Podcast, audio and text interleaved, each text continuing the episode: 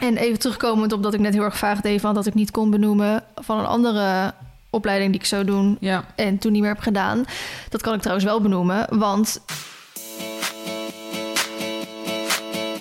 Hoi allemaal, leuk dat jullie luisteren naar een nieuwe podcast.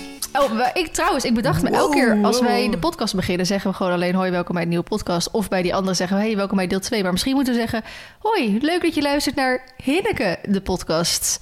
Met je host en co-host, co-host en host, Vrienden en Esmee. Jee. Vind je dat leuker? Nou, dat tweede hoeft niet. Misschien maar moeten we gewoon zo'n introotje maken. Ja, maar ik vind dat altijd een beetje leem.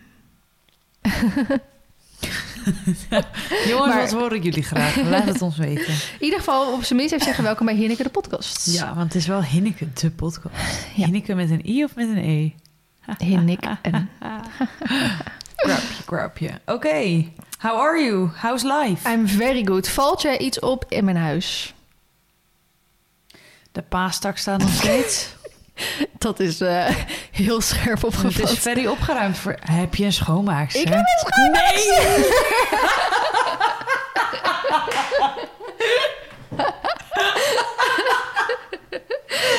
Oh yes. Ze is gisteren Het is gekomen. echt voor jou doen het echt fucking netjes, ja. Normaal is het hier zo'n grote tyfusbende. Ik, mag, ik weet niet of ik dat mag zeggen, maar het is echt... Nou, dat de afwas van drie weken staat altijd nou, op de, op de nee, nee, nee. Nu overdrijf je. Alles ligt altijd... Oh, maar die, die, die doekjes ook, hoe heet dat? Die ehm, dekentjes zijn ook zo mooi ja, ze zijn helemaal perfect opgevouwen. Nee, Oh, ik heb eindelijk it. een schoonmaakster. Het mocht, het Je- mocht heb gebeuren. via je fysio? Nee, maar ik ga Oh. wel deze aan mijn eigen visio aanraden. Want we hadden inderdaad beloofd dat we hem naar elkaar zouden doorspelen. Nee, ik, ehm, ik ben natuurlijk echt al eh, ruim een jaar volgens mij op zoek. We hebben het hier echt in de vorige podcast nog over gehad. Ja, Ja. ja. want toen had, was iemand, had een schoonmaakster mij geghost. Dat was, en echt Ja. letterlijk daarna stuurde deze mevrouw mij dus een berichtje. Want ik ben dus ingeschreven op werksters.nl na een tip van een volger echt al nou, een jaar geleden of zo. Maar dan moet je dus rustig 15 euro per maand voor betalen om daar dus je oproep te hebben staan. Dus ik had aan de ene kant zoiets van ja, dat vind ik echt best wel veel geld per maand. Mhm. Aan de andere kant mag ik dan hopen dat het werkt. Nou, het heeft eventjes moeten duren. Maar een, ehm, een mevrouw uit Apeldoorn, die eh, stuurde mij een, eh, een, een, een bericht. Wat zijn je aangenomen? ja. Nou Ik ja, hoef niks kijk, van je te weten. Je aangenomen. zolang je je maar niet ghost, vind ik het goed. nou, toen hebben we even een ja, so- soort sollicitatie gedaan. Ja, ik weet niet. Het is, ja, het is niet alsof ze voor een baan komt. Zullen jou ook weer een soort van wel. Maar het is gewoon alleen even elkaar eh, gedag zeggen en even op doornemen en het huis laten zien natuurlijk. Doet ze dan het hele huis? Nou ja, in theorie wel, Komt maar ze iedere week? daar komen allemaal. Oh, sorry, sorry. Ik ga het te hard voor stapel. Ehm, Ik ben helemaal kijk, enthousiast. het, het halve huis staat natuurlijk nog steeds in de verbouwing. Dus die kamers hoeft ze van mij niet te doen. nee, dat snap ik. Misschien op een gegeven moment. Want eerlijk is eerlijk. Ik hou absoluut niet van schoonmaken. Ja, kijk, op een gegeven moment moet je wel een keer die stofzuiger er doorheen halen. Ja, maar jij doet dat echt uitstellen. Ja, maar ik doe het gewoon niet. ik wacht net zo lang tot Sjoerd het doet. En Sjoerd die is daar, die, vindt, die doet het al iets meer. En de keuken hou ik wel altijd netjes. Want dat vind ik gewoon ook fijn als ik mijn eten daar klaarmaak en zo. Die wil ik eigenlijk wel elke dag, maar soms om de dag echt wel schoonmaken. Eh die doet op zich ook wel schoonmaken, maar die pakt dan ook niet de, de, de gaatjes en de kiertjes en de hoekjes en de dingetjes. En eigenlijk juist bij dit soort huizen Ja, heb je zijn dat echt wel die, want nodig. daar zitten stof en de spinnen. Vooral heel veel langbootspinnen hebben hier binnen zitten. Bedankt. Ik had ze al een soort van eh, geaccepteerd als huisvrienden, maar eh, ja, liever eigenlijk niet. En ehm, dus er was gewoon heel veel achterstallig onderhoud. dus in theorie zou en ze waarom straks... heb je dan nog steeds die paastak hier Daar heb ik ook een theorie over. Ik heb Je laat achterin... staan tot volgend jaar. Nee, Oh. nee, want ze zijn nu al echt dood helaas. Ja. Ehm, ik, ben die, ik heb die wilge... Ik moest wachten tot mijn weiland ingezaaid was. Om die wilgetakken, die ik ook al een jaar en eentje zelfs twee jaar in de vijver heb liggen, kon planten. Maar heel leuk dat ik dan vijf wilgetakken daar heb liggen. Maar ik heb, mijn grond is niet nat genoeg om vijf bomen in leven te houden. Nu wel. Nou, volgens mij is de helft alsnog dood. Dus ik heb ze alle vijf geplant. En dan ging ik ook kijken wie survival of the fittest was. kijken welke boom het ging overleven en welke niet. En dan had ik dus die paastakken, dat zijn ook gewoon wilgen. Mm. Dus mijn, en ze hadden allemaal hele mooie worteltjes gemaakt. Dus mijn, mijn plan was eigenlijk wachten totdat ik ze kon gaan planten. Alleen dat weiland inzaaien, dat duurde natuurlijk zo ontiegelijk lang weer. Mm. Dus daarom heb ik mijn paastakjes gehouden. Alleen nu zijn ze op een punt dat ze toch dood zijn gegaan. Dus dat is jammer. Kan ze nu dus weggooien. Maar daar ben ik dus nog niet aan toegekomen. Maar in ieder geval, Nee, ik ben zo druk. de bedoeling is zo druk meid. Ehm, dat de schoonmaakster straks één keer in de twee weken komt. Oké. Maar zij... En dan En eigenlijk voor, uur? Voor drie uur, 15 euro per uur. Dus dat is ook gewoon echt een prima prijs. Mhm. En ehm, ze was gisteren dus vier uur bezig. Maar en, ze- en, het ze was heeft, achterstallig onderhoud Nou, van het ander- afgelopen anderhalf en ze jaar. heeft, ehm, ze heeft niet alles kunnen doen wat ik op mijn lijstje had. Maar ik heb ook tegen haar van tevoren gezegd... Joh, ik heb een lijstje gemaakt met wat ik graag wil hebben gedaan. Maar ik heb geen flauw idee hoe lang je met alles bezig bent. Dus Mhm. ik heb het op volgorde van belangrijk zeg maar gezet. En kijk maar wat, oh, wat lukt. fijne baas ben jij toch, hè? Zo lief van mij. Ehm, dus de badkamer heeft ze helemaal gesopt. Zelfs, en hier ben ik echt heel blij mee, de haren uit mijn doucheputje. En dat klinkt nu echt ranzig dat je dat door iemand anders laat doen, maar ik ga kotsen. Ik ga echt kotsen. Ik heb het al zo vaak even geprobeerd. Barbie, Barbie. Ik ga, ja, dus ben ik toch wel in de douche dan. Nee, maar ik ga echt zo Oh, je had die stukjes ook nog eruit. En ik, eh en Shorty kan dat wel, want Shorty moet aan boord echt nog met veel viezere dingen soms werken. Ehm, maar ja, hij is natuurlijk altijd weer zoveel weken weg. En dan zeg ik, oh, voordat je weggaat, doe even weer schoonmaken. En dan doet hij dat niet. En dan gaan er weer zoveel weken overheen natuurlijk. En ik vind het dan zeker als iemand hier eigenlijk komt logeren... dan vind ik het echt ranzig. Dat, want bij ons zie je het dus. Je hebt toch van die doucheputjes Oh, dat je het ja. niet ziet. Maar bij ons Ja. zie je het. Omdat er zo'n rooster op ligt. Dus als wij ooit die badkamer gaan aanpakken... dan gaat er, ga ik echt specifiek vragen naar een doucheputje... waar je geen haren in ziet zitten. Dus zij zei, nee hoor, dat is prima, dat doe ik allemaal gewoon. Dus de badkamer heeft ze helemaal gesopt. De toilet heeft ze ook helemaal gesopt. Ze heeft hier eh gestofzuigd en gedweld. En alles met een doekje afgenomen, waar ik echt heel blij mee ben. Ehm, en inderdaad de bank helemaal lekker gedaan. De verwarmings ook. Allemaal plekken waar ik voor normaal echt niet Waar kom. je nog nooit geweest bent. Waar ik misschien nog nooit geweest ben, inderdaad. Maar eh, het chillen was... Kijk, normaal is het fijn voor een schoonmaakster als je weg bent, toch? Want dan kan ze gewoon lekker haar eigen ding doen. Ja, maar misschien nu was het even fijn dat je er was. Want dan kun je ook zien, oké, hoe gaat het te werk? Ja, en als ze nog wat eh, vragen had van... joh, eh, ja. heb je ergens dit liggen of heb je een emmertje of een, en dit en dat? Ja. Ehm, alleen het regende natuurlijk gisteren de hele dag. Kijk, en anders zou ik bijvoorbeeld 's ochtends iets met die paarden gaan doen. Mhm. Dan ben ik wel hier aanwezig, maar dan ben ik toch even uit huis. Maar het regende gewoon keihard gisteren. Dus ik dacht, joh, ik, heb, ik zei ook tegen haar van... joh, ik hoop niet dat je het heel erg vindt... maar ik zal een beetje uit je buurt proberen te blijven... Mhm. zeg maar dat ik niet in de weg loop. Maar doordat zij aan het schoonmaken was... en ik, ik had dus, ik was natuurlijk van... daar komen we straks op, maar van maandag tot en met woensdag was ik weg. Mm. Toen was ik woensdag laat thuisgekomen, moest ik nog editen. En zij stond hier dus op donderdag om 9 uur op de stoep. Mm. Dus ik heb donderdagochtend nog heel snel echt de grote rommeltjes opgeruimd. maar gewoon heel veel kleine rommeltjes lagen er natuurlijk nog. Dus terwijl zij gewoon lekker aan het schoonmaken was, dacht ik, ja, dan ga ik. Dan word je helemaal meegenomen in die vibe, toch? Wat goed van je. Dus ik heb eh, bijvoorbeeld die, eh, dat venster daar, dat ligt natuurlijk altijd met allemaal teringzooi vol. Ja, ook op. En die is opgeruimd. Achter je, eh, bij op de, het kookeiland, of kookschiereiland noem je het. Dat is ook helemaal opgeruimd. Slaapkamer heb ik helemaal opgeruimd. De trap heb ik helemaal opgeruimd. Want de bedoeling was eigenlijk dat ze de slaapkamer ook gingen doen... en dat ze die trap ook gingen poetsen. Want die trap moeten we natuurlijk nog steeds een keer verven. En dan moet die gewoon een keer schoon zijn. Ja. Ehm, maar dat zijn dus bepaalde dingen waar ze niet, meer, niet eens meer aan toegekomen is. Dus ik laat... En ze heeft dan bijvoorbeeld ook dat kastje, dat vitrinekastje... heeft ze helemaal leeggehaald, plankjes afgenomen... heeft ze ook alles weer zo heel mooi geordend, helemaal nieuw neergezet. En ze, ze zei ook echt, toen ik zo hier een beetje aan het opruimen was... en zij was daar bezig, zei ze te- tegen me... Wil je anders dat ik je help met opruimen? Want ik zie ook overal dingen liggen die daar niet horen, weet je wel? Ze heb je anders een doos voor me? Eh, dus ik zeg zo, nou, zet het maar anders gewoon op tafel. Dan pak ik het daar wel weer vanaf. Want Ja. inderdaad, we hebben overal waar we iets staan van... ja, oké, dat ik, ik kom gewoon opbergruimte in de woonkamer tekort. En daar heb ik al Ja. heel vaak mijn shoot over ook gehad. geen kast of zo, We hè? zijn op zoek eh, naar kasten inderdaad. Maar het is ook best wel moeilijk hier qua de plek... waar je dan zo'n kast gaat neerzetten. Ja. Ehm, dus, nou goed, da- daar kan ik het misschien nog een keer over hebben hoor. Maar het, het is inderdaad gewoon zo dat er gewoon op een gegeven moment bepaalde dingen ergens in worden geduwd omdat je ze gewoon niet kwijt kan. En dat hoort dan helemaal daar niet. Dus ik was helemaal gelukkig. En zeker Shorty komt morgen thuis, dan vind ik het nog chiller. En ik had dus nu aan haar gevraagd van... Nou, wil je dan volgende week nog komen... in plaats van over een, nou, een week daarna... Uh, om de rest van die dingen dus nog te doen die op het lijstje Ja. stonden. Zoals inderdaad de slaapkamer en die trap en de vierde daarboven. En wellicht, uh, eigenlijk moet het, uh, de logeerkamer moet ook een keer gedaan worden. Maar die moet ik dus ook echt een keer eerst even opruimen dan. De ramen moeten echt een keer gezeemd worden. Die zijn volgens mij al anderhalf jaar niet gezeemd. Ja. Weet je wel, dus gewoon allemaal dat soort... Even, even alle grote dingen, net zoals de keukenkastjes. Weet je wel, we hebben witte keukenkastjes. Nou, daar ga je gewoon vingervlekken op zien. En dan ook een keer de binnenkant van de keukenkastjes natuurlijk. Want ja, ook al zitten ze altijd dicht... toch vang je daar ook stof en kruimels en weet ik het wat. Dus zo probeer ik het een beetje stapsgewijs met haar... Uh, Meid, wat ik ben echt gelukkig. Ik, wat, wat, ik vind schoon... Ik, ik, ben, ik heb zoveel respect voor dat werk. En ik... Het is zo moeilijk om iemand te vinden. En Ja, maar het is zo fijn als je een opgeruimd huis hebt, want Ja. dan heb je ook zo'n opgeruimd hoofd. En je bent ook gelijk veel meer van, oké, het moet ook nu zo blijven. Ja. Weet je wel? Van, oké, gelijk weer opruimen. Oké, ik doe echt vaak schoonmaken. en opruimen. Ik ben er echt Ja, helemaal heerlijk. en ik dit aan. Wow, moet eens even nadenken.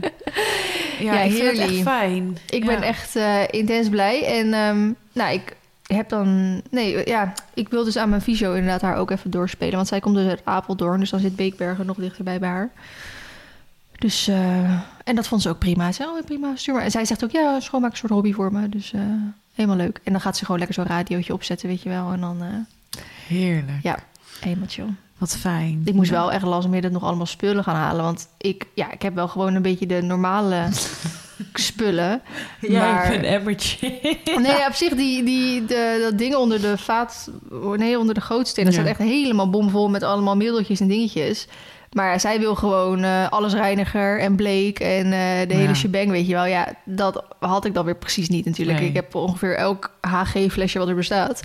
Maar, maar de, gewoon de normale dingen had ik dan weer niet. Oh, oh, oh. Dus die had ik even voor de gehaald bij de Action. Ja, perfect. Ja, die hebben allemaal helemaal prima natuurlijk.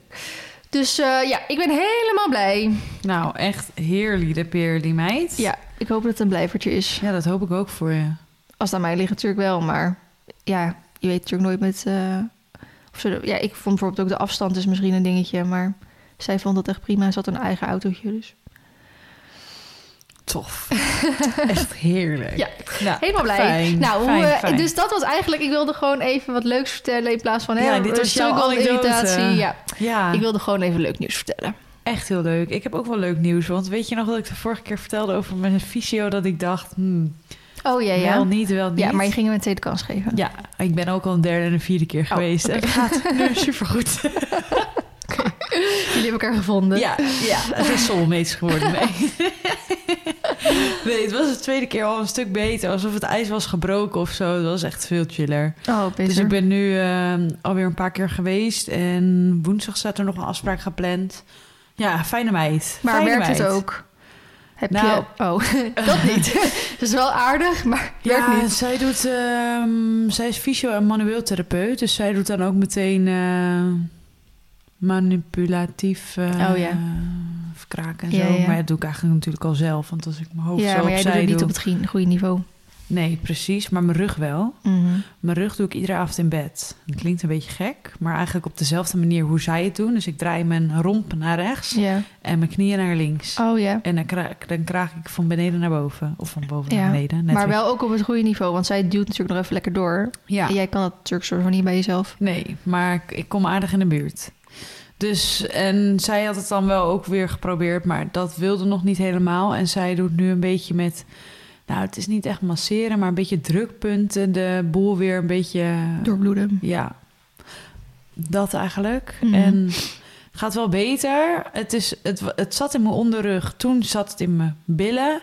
En nu zit het in mijn middenrug, zeg maar.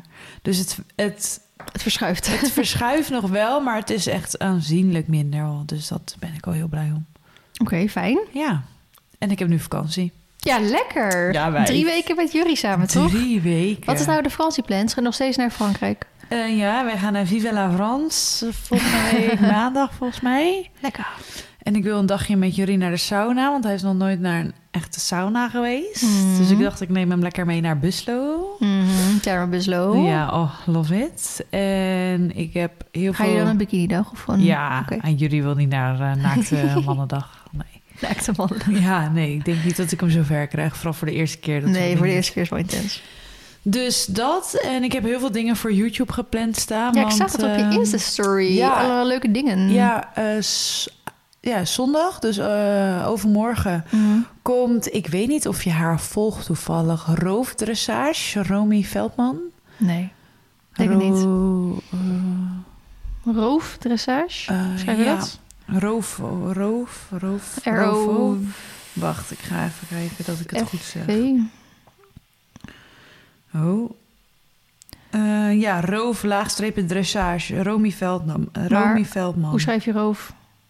R-O-V-E. Oh, en zo. dan dressage. Ja, oké.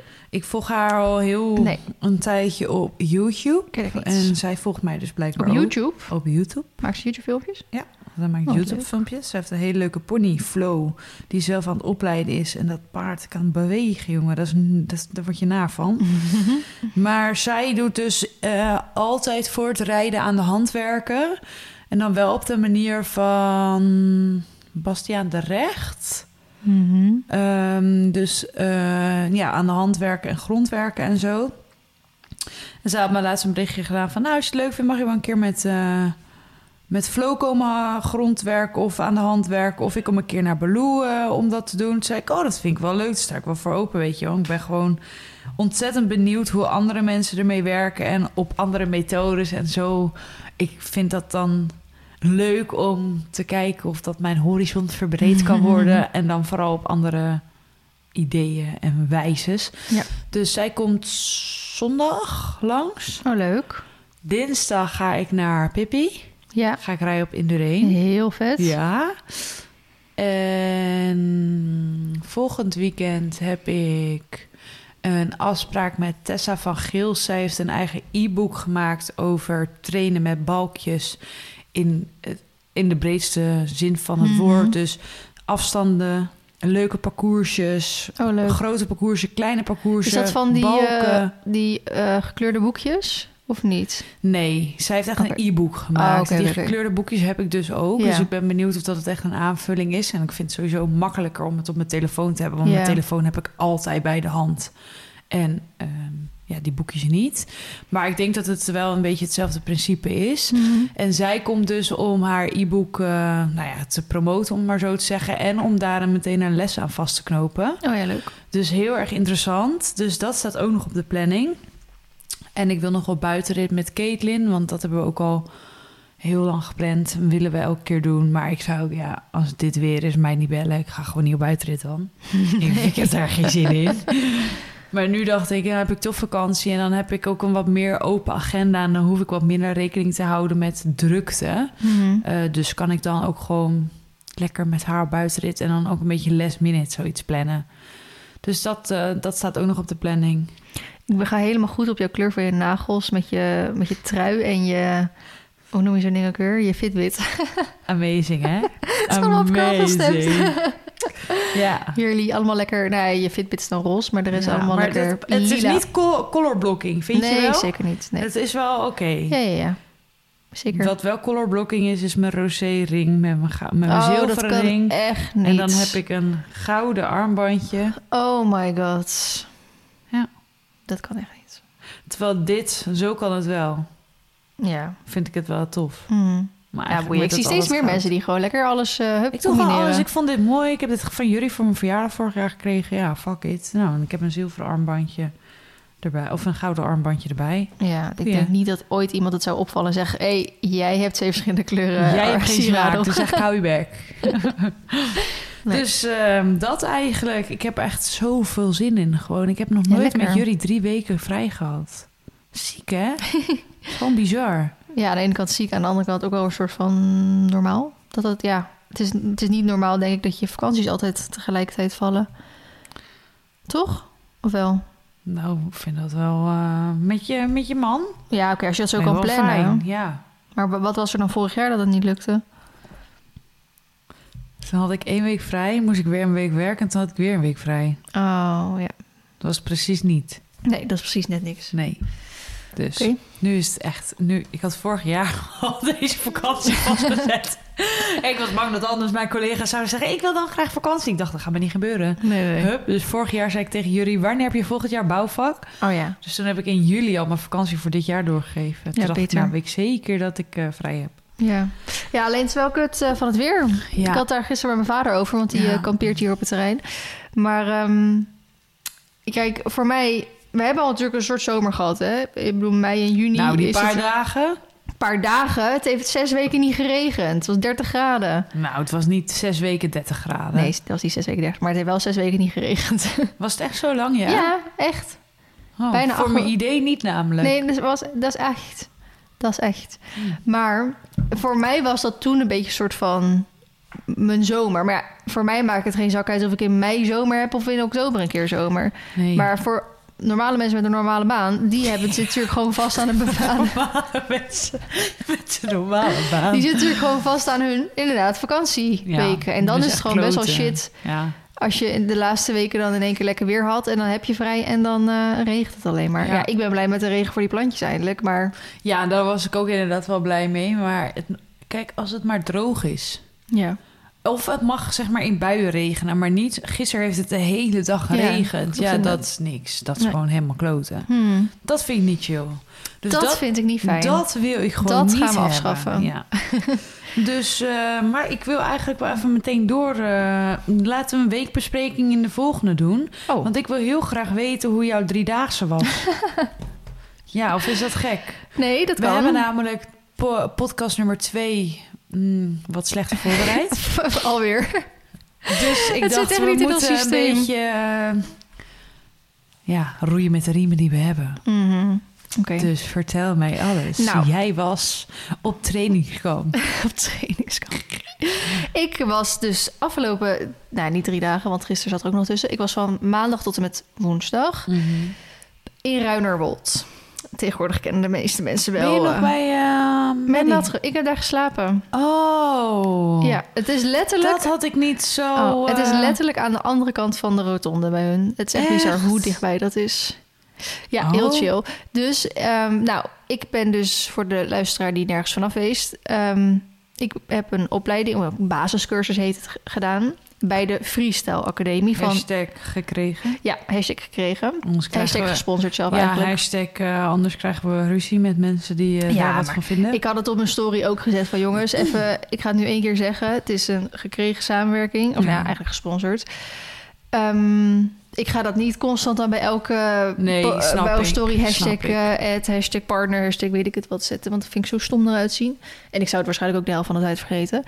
Ehm, maar een, nou, echt al best wel, denk bijna een half jaar geleden of zo. Dat, ik weet nog niet zo goed meer of zij met ik denk wel Miranda... langer, want we hebben het hier al veel eerder over gehad. Ja, maar langer dan een half jaar geleden? Weet het niet. Nou, Maar ja, goed, het, ik weet niet zo goed anders. meer of zij Miranda hebben benaderd. Mhm. Of dat Miranda hun benaderd heeft. Dat weet ik even niet zeker. Of dat zij elkaar al een soort van kennen. Dat geen idee. Maar in ieder geval, ehm, ik kreeg de mogelijkheid om dus die basiscursus te gaan doen. Mhm. In ruil voor natuurlijk video en nou, nog wat dingetjes. En dan ga ik altijd eerst even over nadenken. Oké, past het wel bij mij? Mhm. Uh, want ik heb pas eerder, twee, drie jaar geleden, zou ik een opleiding gaan doen. En toen kreeg ik al best wel veel berichten in mijn DM van... joh, vriend, ik weet niet helemaal zeker of dat iets voor jou is. Mhm. En ik dacht, joh, ik zie het wel. En toen bleek het inderdaad, nog voordat ik eraan begonnen was hoor... eh, dat het niet bij mij zou gaan passen. Om ook bepaalde redenen, Ja. die ik helaas niet nader kan benoemen. Nee, Ehm, maar soms is dat gewoon ook een gevoel of zo, hè? ja, nou ja, Want jij bent ook zo'n type... Want in mensen... Sorry dat ik daarop inhaak, maar... Mensen denken altijd, omdat wij influencers zijn... dat we alles promoten omdat we er maar geld voor krijgen. nou dat is denk ik ook bij sommige mensen wel waar. Maar bij ons niet in ieder geval. Ja, maar ik vind dat dus bizar, want daardoor schets je toch ook gewoon een verkeerd Ja, beeld. maar ik, het vertrouwen tussen de influencer en de volger is zo bizar belangrijk. Ja, Want anders dan maakt het eigenlijk niet uit wat je kan promoten. En dan, dat is gewoon heel zonde. En mensen moeten echt, als ik een, een samenwerking heb... of jij een samenwerking hebt, moeten ze echt denken... oké, zonder nog... Soms krijg ik die vraag... ja, maar wat vond je nou echt van het product? En dan denk Ja. ik, ja, kom op. Dat Als ik het dus echt een dat kut- heb ik kutproduct hier, Want je ziet het naast me staan. Ja, Y-food. Y-food. Eerlijk, ik leef hierop. Dat weet iedereen ondertussen. Ik ben hier echt fucking fan van. Ja. Krijg ik nog steeds berichtjes. Vind je het nou echt lekker? Ja, precies. Ja, wat denk je zelf? Mijn hele fucking... Ik heb een extra koelkast aangeschaft om mijn Y-food voorraad in te zetten. Ja. Ik bedoel maar. Ja. Hey, soms denk ik dan echt ja. Of met die onderbroek van Snugs, werkt het echt? ja. Nee, ik draag het omdat ik het lekker vind zitten. Nou, en ik denk dat natuurlijk wel... Kijk, bijvoorbeeld zeker zo'n wifi of zo'n snuks bij jou... die zien we al maanden tot jarenlang voorbij komen. Ja. Nou, dan mag je er zeker van eh aangaan of uitgaan dat het goed is. Maar ik heb bijvoorbeeld ook laatst een keer met een product van Horse gehad. Toen had ik zo'n reel gemaakt van negen producten die ik miste bij mij op stal, weet je wel. Mhm. En toen had ik ook twee paar beugelriemen erbij zitten. En eentje, die bleek echt best wel kut te zijn. Hm. Ehm, als in, als ik ging lichtrijden, dan veerden ze mee. Oh, Het was heel irritant. Ehm, dus dan heb ik wel zoiets van ja, ik heb hem niet. Ik, ik, heb hem, ik heb hem niet heel erg uitgebreid gepromoot. Mhm. Ehm, ja, ik weet dan niet zo goed of ik er dan nu achteraf nog iets over moet zeggen. Maar ik vind ze eigenlijk niet heel erg fijn. Want bij Horse Mhm. gaat het toch vooral meer om de kortingscode. En dat mensen gewoon lekker zelf. Ja, op dat ze die kunnen website- zien dat ze mega grote ja, precies. Het, gaat, het, gaat, het ging niet specifiek over die beugelriem, weet Ja. je. Want dan had ik wel gezegd, joh, achteraf gezien waren ze eigenlijk niet zo heel erg fijn. Ja, Ehm, dus daar, dat heb je wel eens. Dat je als je Ja. een product langere termijn gaat gebruiken... dat je dan toch zoiets hebt van... oké, hij is iets minder fijn. ja. Maar dat is dan vaak niet een product... die ook meerdere keren op je Nee, voorbij precies. komt. Ik had het nu ook... eh, ik had een samenwerking voor supplementen voor mezelf. Oh ja? Ik was helemaal happy, want jullie was dus helemaal verkouden geworden. en ik slik netjes mijn supplementjes. En ik had nergens last van. ik had gewoon geen keelontsteking deze keer. Oh, kijk echt, aan. ik dacht echt, holy shit, dit wil toch iedereen, weet je wel. Ze hadden, hadden gewoon eigenlijk dat moeten gaan slikken... in plaats van je amandelen moeten verwijderen. Ja, misschien was dat wel beter geweest. Maar ik was daar dus heel erg tevreden over ook. En Mhm. dat zijn wel leuke dingen dat je daar dan... Dan hebben we wel het voordeel dat wij dan wel het bereik hebben... om daar dus eh, ook echt wat mee te doen. Ja. Dat vind ik dan wel weer leuk. Maar ik vind het dus wel eigenlijk bizar om te horen... dat er dus ook gewoon mensen zijn die het maar gewoon doen... eh, en alles maar krijgen. En dan wat gewoon niet bij hun past. Of waar ze eigenlijk helemaal niet achter staan. Of, Maar ik zou dat ook zo lastig vinden als... Kijk, ik ga hopelijk van het voorjaar dan de nieuwe collectie lanceren. Nou, daarvoor ga ik dan straks ook weer op zoek naar mensen die dat leuk vinden... om of gratis te promoten of eventueel betaald te promoten. en dan zit ik nu al ja. Instagram-accounts te scouten. Ja, Wie vertrouw ik Ja. met mijn collectie? Wie gaat Ja. oprecht blij ermee zijn? Wie gaat oprecht zijn... Wie heeft het vertrouwen van zijn volgers... ja, dat die volgers dan ook denken... oké, deze is er echt blij mee. En het is niet gewoon weer de zoveelste die een shirtje of een dingetje of een wat op, opstuurt... en die blij met alles, zeg maar, is. ja, Ik precies. ben nu al naar het scouten. Moeilijk, hè? Ja, fucking moeilijk. Eigenlijk. En eigenlijk Moet je ook- nagaan maar hoe lastig het eigenlijk ook voor bedrijven is... om dan een soort van de juiste te vinden. Ja, en daar is natuurlijk eigenlijk bijvoorbeeld zo'n Go Social oorspronkelijk voor gevonden. Of eh, eh, opgezet. Of voor opgezet. Ja. Ja. Maar in ieder geval, Ja. Ehm, wat ik lastig vind, om even over Chauffeur dan te blijven... dat ik zou dan het liefste willen dat die, dat die persoon niet ook nog met een ander kledingmerk samenwerkt. Maar aan de andere kant is het natuurlijk best wel scheef... want ik werk zelf ook met vier, vijf, weet ik veel, veel kledingmerken Ja. samen. Maar je zou het liefste dan voor bijvoorbeeld een maand of twee, drie willen afspreken... dat je bij wijze van alleen maar Chauffeur op de, op de fiets ziet. Ja. Dat zou het mooiste zijn. Ja, of, dan een, of, of als het soort van niet anders kan, een, een merk waarvan ik denk, oh, dat is of geen eh, concurrent, om het zo te zeggen. ja. Of waarvan ik denk, Ik oh, dat is het. ook gewoon een mooi merk. En weet je, Ja, jij en ik hebben ook niet alleen maar van één merk in de kast Nee. liggen, dus dat kan natuurlijk ook allemaal gewoon prima. ja. Maar ook dat vind Maar ik ik wel... snap het eh, wel inderdaad. Nu ga je het vanaf de andere kant dan weer soort Ja. van zien. En dan kun je daar ook weer eisen aan stellen. En Ja. denken van oké, maar wat, wat verwacht ik dan ook echt? Ja, want ik vind het bijvoorbeeld ook belangrijk dat... hè, bijvoorbeeld, eh, ik, nou, ik heb samenwerking, een hele fijne samenwerking met BR. Die wordt ook Ja. verlengd, dus dat is ook superleuk. Buiten dat de afgesproken... Nou, zoveel posts, zoveel Mhm. unboxing, zoveel tags, zoveel stories... zie je mij bijna heel de week in BR lopen. Omdat het gewoon fijne producten zijn. Ja. En dat vind ik belangrijk. Niet dat dan Ja. de post gedaan is... En dan zie je het en dan nooit meer terug. zie je het nooit meer terug. En dan weet je ook wel weer genoeg, hè? Ja. Dat is, dat, daar kun je het wel vaak refereren. Ja, je weet genoeg, maar waarschijnlijk ook omdat de producten dan waarschijnlijk helemaal niet fijn zijn geweest. Want anders blijf je het dragen, omdat je het een fijn product vindt. Eens. Ik heb nu wel... eh, ben weer een beetje aan het strukkelen met Baloo. Die, ik weet niet. Ik, ik vind het gewoon allemaal moeilijk paardrijden. En nu had ik, eh, heb ik twee dezelfde hoofdstellen. Die bruine en die zwarte van... QRP. Ja, die Ja, ja, ja. Daar loopt ze dus best wel goed op. Maar ik, ehm, voor het springen vind ik hem mooi. Maar ik had jou laatst met die Mexicaans gezien. Toen dacht ik, Mhm. oh, dat wil ik ook proberen. Want dat vind ik ook mooi. Mhm. Maar ja, ik weet ook wel dat het heel belangrijk is... dat een paard gewoon goed op een hoofdstel moet lopen. En dat Maakt dat uit hoe die er dan uitziet. nou, precies dat. En dressuur had ik zo'n heel mooi onderlegd hoofdstel. En daar liep ze oké op. Maar de laatste keer dat ik hem weer, weer om heb gedaan met hetzelfde bit... liep ze er gewoon niet fijn op. En dan denk ik echt, ja... Ik heb er heel lang plezier van gehad... maar ik merk nu toch wel dat ik het dan... Dat je tegen dingen aanloopt. Ja, dus, en, en hij is eigenlijk te mooi om in de kast te laten hangen. Maar ja, het is van een sponsoring, dus ga ik dat dan verkopen? Ga- krijg je daar weer scheve gezichten op. En dat vind ik ook zo lastig. Terwijl ik dan denk, ik heb er heel erg veel plezier mee gehad. Ja. Mensen hebben hem veel op mijn feed voorbij zien Mm. komen... want het was echt een fijn hoofdstel. Maar ik merk nu gewoon dat ze er niet meer fijn op loopt. Ja. En met sommige dekjes heb ik dat ook. Dat ik dan denk, ja, ik vind het echt super mooi. Maar soms vind ik het, zoals nu ben ik helemaal weer in die roze tinten van HV Polo. ook met dat Barbie en zo. Ja. Nou, dan loop ik het liefst de hele dag in roze. ja, dan zo'n zwart eh, dekje van Equiline. Die heb ik dan niet gekregen, helaas. Maar dat blijft dan weer langer liggen, weet je wel. Dat Mhm. ik dan soms denk, ja, moet ik daar dan gewoon per seizoen weer... ehm, een, soort, een Ja. closet sale van doen of zo, met een beetje op te ruimen? Of Ja. laat ik het dan liggen en is het van de winter weer mooi? Ja, ik, ik- Dat, vooral die is lastig, want mijn dekjesverzameling, dat loopt ook weer een beetje uit de hand. En dan denk ik, ja, maar misschien vind ik die van de winter wel weer mooi. Want Ja. dat heb ik vooral met zo'n beetje zomerse kleuren. Ja. Ja. die draag ik inderdaad niet in de winter Nee. op een of andere manier. nee. Dus dan blijven die liggen en dan denk ik, ja, moet ik die dan gaan verkopen? Maar dan wil Ja. ik eigenlijk eerst het zomerseizoen weer afwachten van, oh, ga ik ze dan wel gebruiken? Nou Ja. of nee? En dan, Lastig, hè? ja. Ik vind dat ook heel moeilijk. Ik, ja, ik vind dat altijd wel lastig. En ik was laatst ook be- benaderd, behandeld wil ik zeggen, benaderd voor een samenwerking waarvan ik dacht... eh, ja, ik vind het product super, super, super mooi. Maar mijn paard heeft niet die klachten voor dat product. Mhm. Dus het zou dan als ondersteunend moeten werken, om maar zo te zeggen.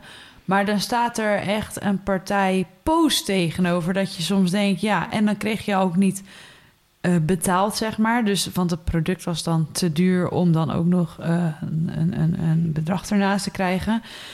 Dat ik dan dacht, ja, voor wie dan? Dan past het eigenlijk ook gewoon niet.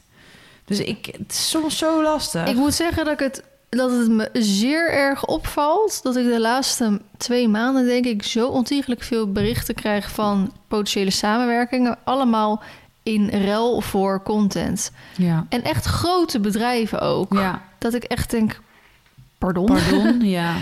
Eh, Volgens mij snappen jullie echt wel hoe het werkt. Ja, En, ehm, en, en weet je, het lastige is dat er zijn genoeg mensen die het wel gratis willen doen. ja maar En ja. je kan het zo ook niet kwalijk nemen. Nee. Maar het verpest soms een beetje het voor de grote spelers. Maar aan de andere Ja. kant, weet je, ik mag ook weer een soort van niet klagen. Want er zijn, ik heb genoeg wel hele fijne samenwerkingen die wel gewoon de waarde ervan inzien. Ja, En dat is dat heb ik ook inderdaad. Ik ben natuurlijk vorig jaar dat ik een beetje een streep heb getrokken. Dat ik zei, oké, vanaf nu alles. En dat, ik vind dat dan altijd een beetje zo bij de hand of zo klinken. Maar ik dacht gewoon van, ik ben groot genoeg hiervoor nu.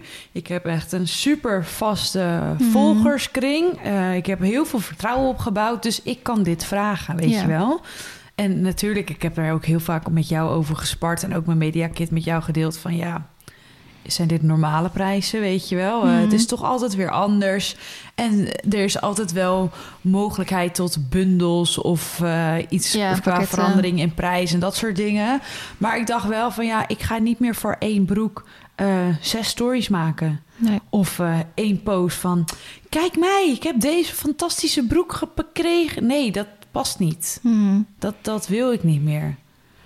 En natuurlijk, als ik wel gratis pakketjes opgestuurd krijg, dan doe ik het heel vaak unboxen in de video. En dan maak ik een story met bedankt, weet je wel. Ja, ja. Dat, dat, terwijl normaal ja. er dan ook daarvoor betaald zou moeten worden. Maar dan doe je dat toch een soort van uit coulance. En omdat er dan geen verwachting meer achter zit. Ja. En dan is het ook heel anders communiceren en praten.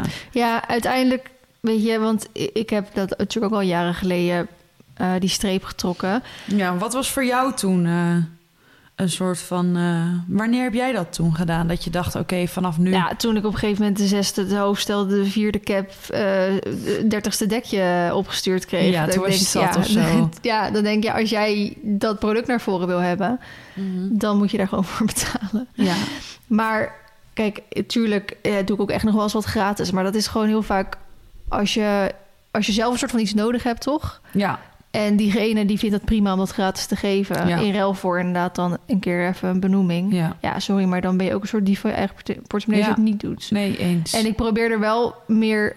Ik probeer wel een soort van mijn keuzes daarin te maken. Want aan de ene kant vind ik het inderdaad niet eerlijk... tegenover degene die er wel voor betaalt. Mhm. Dus ik probeer soms wel te denken... oké, nee, dan, dan geef ik nu zelf maar gewoon mijn geld eraan uit... en dan hoef ik het niet te benoemen... of ik benoem het alleen als ik er echt ja. gewoon heel Mega blij over ben. over ben, ja. En dan meer van, ja, om het gewoon de volgers te laten Mhm. weten. Ik vind het ook altijd een beetje stom als je dan helemaal moeilijk daarover gaat doen. Van, nee, ze betalen er niet voor, dus ik ga ze niet benoemen. En denk, Mhm. ja, kom op, we kunnen toch ook gewoon leuke, leuke producten met elkaar blijven delen. Ja. Eh, dus probeer soms wel een beetje die, die balans te vinden tussen iets waar ik gewoon dan wel zelf voor betaal. En balans te vinden dat ik denk, nee, ik stuur gewoon een berichtje om te kijken of, of Ja. we met gesloten beurs kunnen doen. En doe je dat dan zelf of doe je dat? Nee, want dat jij hebt echt Ja. een... ehm, Ja, nee, dat soort dingen doe ik vaak wel gewoon zelf dan. Oké. Ja. Oké. En heb jij een... eh, ik denk dat volgers dit namelijk dit soort gesprekken heel erg interessant vinden. Heb jij een maxim, max voor samenwerkingen per maand bijvoorbeeld? Nee. Nee, wij, wij doen het altijd een beetje ja, op gevoel, om het zo te Ja. zeggen. En eh, ik zeg wel, ik heb soms hele drukke periodes. Dan Mhm. denk, zeg ik ook tegen Mian van, joh, kunnen we dit niet even een beetje opschuiven? Mhm. Want eh, anders ben ik in één keer deze week vijf gesponsorde posts aan het plaatsen. En dat is, Mhm. sommigen die willen natuurlijk ook heel erg met bepaalde feestdagen naar voren komen. Ja. Of met bepaalde momenten. Ja. En dan denk ik, of we zeker bijvoorbeeld met als de nieuwe collecties uitkomen, die Ja. komen ook allemaal rond dezelfde tijd uit. En aan de ene kant is dat weer niet zo heel erg, want mensen vinden het leuk hè, om te zien wat er allemaal online komt. Maar je moet er, het moet gewoon een beetje op gevoel gaan. En dat is bijvoorbeeld ook, ik krijg wel eens reactie of eh, vragen van de samenwerking van joh, ehm, we willen eigenlijk dan en dan naar voren komen. Kunnen we alvast een, een plekje in jouw soort van agenda Ja. voor die dag een post reserveren? En dan zeg ik wel van kijk, ik kan het proberen. Maar ik post heel erg in het moment ook. Dus ik wil graag, als ik denk, nou, van, vandaag is denk ik een goede dag om die post te plaatsen. Dan wil ik het zeg maar vandaag doen. En niet pas over drie dagen of zo. Ja. Eh, en zij zeggen ook van ja, maar eh botst dat dan niet met andere samenwerkingen? Nee, ik denk nee, dat zit of allemaal in mijn hoofd of dat heb ik dan ergens op een papiertje staan. Mhm. Van nou, kijk, ik zorg niet, ik word natuurlijk niet twee keer op één dag in één keer gepost of eh, of niet twee betaalde dingen. nee, of of ehm, dat er te tegenstrijdige dingen Mhm. ehm, achter elkaar worden geplaatst of zo. Ja. Dan zorg ik wel dat er dan misschien twee, drie weken tussen zit of zo. Ja. Dus ik, maar ik heb ook wel. We hebben een tijd gehad dat het best wel veel was. En toen zei ik tegen me: Oké, we moeten even een stop erop. Ja. Eh, maar nu, net zoals nu, zijn ook een paar samenwerkingen gestopt. En dat is gewoon of omdat ze, eh, zoals eentje het noemde, ik ben bijvoorbeeld met Aviso ben gestopt. Eh Aviso van de paardenhaarsieraden. Mhm. En dat komt puur omdat we al iets van twee of drie jaar samenwerken. En dat ze het eigenlijk nu soort van zonder mij wil proberen. Want Mhm. dat is natuurlijk ook een betaalde samenwerking. Dus daar is ze ook geld aan kwijt. Dus ze wil kijken hoe het, hoe het gaat zonder de promotie van mij. En ik heb dan wel een soort van de, de band met haar opgebouwd. Ik ga dan nu niet naar de eerstvolgende paardensieraden iemand toe, weet je wel. Nee. Ehm, dus sommige samenwerkingen zijn gestopt omdat ze zoiets hebben van... oké, we willen het kijken hoe het nu zonder gaat. Ja. En sommige die waren überhaupt al maar eenmalig of wat dan ook. Dus nu is er bijvoorbeeld wel weer ruimte voor iets meer. Maar Ja. ik, ik probeer wel steeds meer, zover dat gaat, originele samenwerking aan te gaan. Hm. Dus niet inderdaad weer de zoveelste kledingcollectie van iemand. Ja. Of ehm, nou, zoiets. Dus de- zoals, nou, waar we het over hadden, de FSA, de Freestyle Academie, dat was natuurlijk weer heel erg origineel Ja. om die dan te doen. En even terugkomend op dat ik net heel erg vaag deed van dat ik niet kon benoemen van een andere opleiding die ik zou doen Ja. en toen niet meer heb gedaan. Dat kan ik trouwens wel benoemen, want die ik had toen les van iemand eh, van Astrid Hoppenbrouwers. Ja. En daar voelde ik me heel fijn bij en ik vind Astrid nog steeds echt geweldig. Mhm. Uh, het is echt zo jammer dat hij zo ver weg woont. Ehm, maar toen belde dus diegene mij op van die opleiding. En die zegt, joh, hoe, hoe graag wil jij bij Astrid blijven lessen? Want onze trainingsmethodes die staan haaks op elkaar. Ja, en dat was voor mij toen eh, de reden om te zeggen: oké, dan ga ik jullie opleiding niet doen. Ja. Want hoe fijn ik mij bij de manier van Astrid voel, ja, dan ga ik. En En met, dat sluit nog steeds aan eigenlijk bij wat je met Nacho nu doet, toch? ja, want Astrid heeft onder andere ook de opleiding bij Emiel Voest gedaan bij de Friese Ja. Academie. Dus ja, dan en met, met de bijbehorende DM's van mensen die zeggen: joh, ik weet niet helemaal of dat bij jou past, heb ik toen besloten van Ja. dan gaan we dat dus niet doen. Ehm, Dus toen, nou, Miranda kwam met: joh, wil je de Friese Academie doen? Dacht ik, nou, ik ken eigenlijk best wel veel instructeurs die ik heel erg fijn vind, die hem wel gedaan hebben. Ja, terwijl het nog een beetje een ongeschoven kindje is. Vind je niet? Ja, terwijl Ik- eigenlijk ja, het echt al ik heel weet niet of dat lang een soort bestaat. van goede term daarvoor is. Nou, maar ik- ik denk er zijn zoveel komt- grote instanties die je veel meer en vaker hoort Ja, dan, ja. eh, dan de FSA eigenlijk. Ja, Begrijp je dan? Ik ja. be- ik nee, ik bedoel snap dus niet helemaal een wat je negatief iets, maar... Twee, nou, meerdere dingen. Het bestaat dus echt al best wel lang. Echt al 30 jaar of zo. Ja. Maar wat dus eigenlijk ook heel goed is. Want daardoor kunnen zij al 30 jaar lang aan hun opleiding werken. Want dus de opleidingen schieten uit de grond, wees nou eerlijk. Ja. Eh, maar zij werken er al 30 jaar aan. Maar ze zijn volgens mij pas de afgelopen 10 jaar, omdat ze dan ook die eigen locatie hebben, echt ook hun eigen docenten en zo aan het eh, opleiden. En Hm. ze zijn nu ook, omdat het alleen in Ruinerwold zat, was het ook, dat is best wel ver voor heel veel mensen, zijn ze dus nu, letterlijk nu, bezig met ook nieuwe locaties. En dat is natuurlijk wel Ja. wat moeilijk maakt. Kijk, zo'n oren kan je op meerdere locaties doen, weet je wel. Ehm, dus Want even voor de luisteraars, het is dus niet hetzelfde als een oren, hè? Nee, het is een manier van paarden. Maar ehm, als je een bepaald niveau binnen die instructeursopleiding hebt gehaald, dan staat dat gelijk aan een oren niveau 2 of 3 of zo. Ja. Dus het is wel aangesloten bij Want het een oren. orenopleiding is... voor instructeurs. Ja, dus dat van, is vanuit de, de- KNS. De, ja, dankjewel. Ja, Ja, de- even, want anders denken mensen, "Huh, waar hebben jullie het eigenlijk over? Ja. Soms moeten we misschien, omdat het voor ons heel normaal is om hierover te praten. Maar als jij dus, denken- kijk, iedereen, elke rasmogol kan lesgeven. Als in, ja, maar je, het is geen beschermd beroep, dat bedoel ik. jij durft. Ja, maar het is zo. Het, het is geen beschermd beroep. Alleen, kijk, er zijn wel wat dingetjes wat ze zeggen waarvan ik ook het fijne niet weet. Dat als jij niet een officieel instructeur, erkend instructeursdiploma hebt, ben je bijvoorbeeld niet verzekerd. Ja, dat wist ik inderdaad. Dus dat is, dat is lastig en dat is waarom heel veel mensen wel graag het, dat, dat erkende instructeursdiploma wil. Nou, dat kan je dus inderdaad bij de KNS doen. Die heeft dus de oren op verschillende niveaus. Ehm, alleen ook heel veel mensen, waaronder ik dus ook, ja, vinden de oren nou niet echt ehm, je van het. Of tenminste, het is, het is denk ik een hele goede basis hè, om, Ja. je, om je instructeursbewijs te halen. Maar ik, de, ik, vind, ik vind niet dat je er dan bent Nee. dat je daarmee echt op de juiste manier zeg maar, het paard helemaal kan trainen. En ook lesgeven. Ehm, maar ondertussen zijn er inderdaad ook wat nieuwe opleidingen opgekomen. Zoals de FSA, zoals de NCSH, waar je het net ook even over had. Over, nou, zo zijn er nog een eh, van Central Riding. Ja. Op een, die ze hebben een soort van hun eigen trainingsmethode ontwikkeld. Ja. En die, volgens mij die drie die ik net opnoemde... en ik, hier nogmaals, ik weet hier ook allemaal de exacte regels niet van... die zijn dus ook aangesloten bij de KNS of bij de OREN... dat dat dus ook een erkende paardenopleiding is Oké. geworden. Ja. Maar zo zijn er nog genoeg andere opleidingen... die dat dus niet zijn. Ehm, dus in hoeverre, als je dan van zoiets een diploma hebt... en je dan met dat verzekering zeg maar allemaal zit... Mm. dat weet ik ook allemaal Ja, precies verzekeringstechnisch zit je vooral met maneges en zo. Ja, dat is altijd is een überhaupt ding. erg lastig. Kijk, als jij hobbymatig een beetje af en toe een lesje geeft, dan is het nog tot daaraan toe. Als je daar belang, duidelijke afspraken en zo over maakt. Ja. Maar als je echt eh, van je hobby of van je lesgeven je beroep wil maken, dan is het wel fijn als je Nou, ik heb het dus. iets. ehm, eh, wij hebben, zoals iedereen met een huis, verzekeringen Mhm. voor eh, verschillende dingen.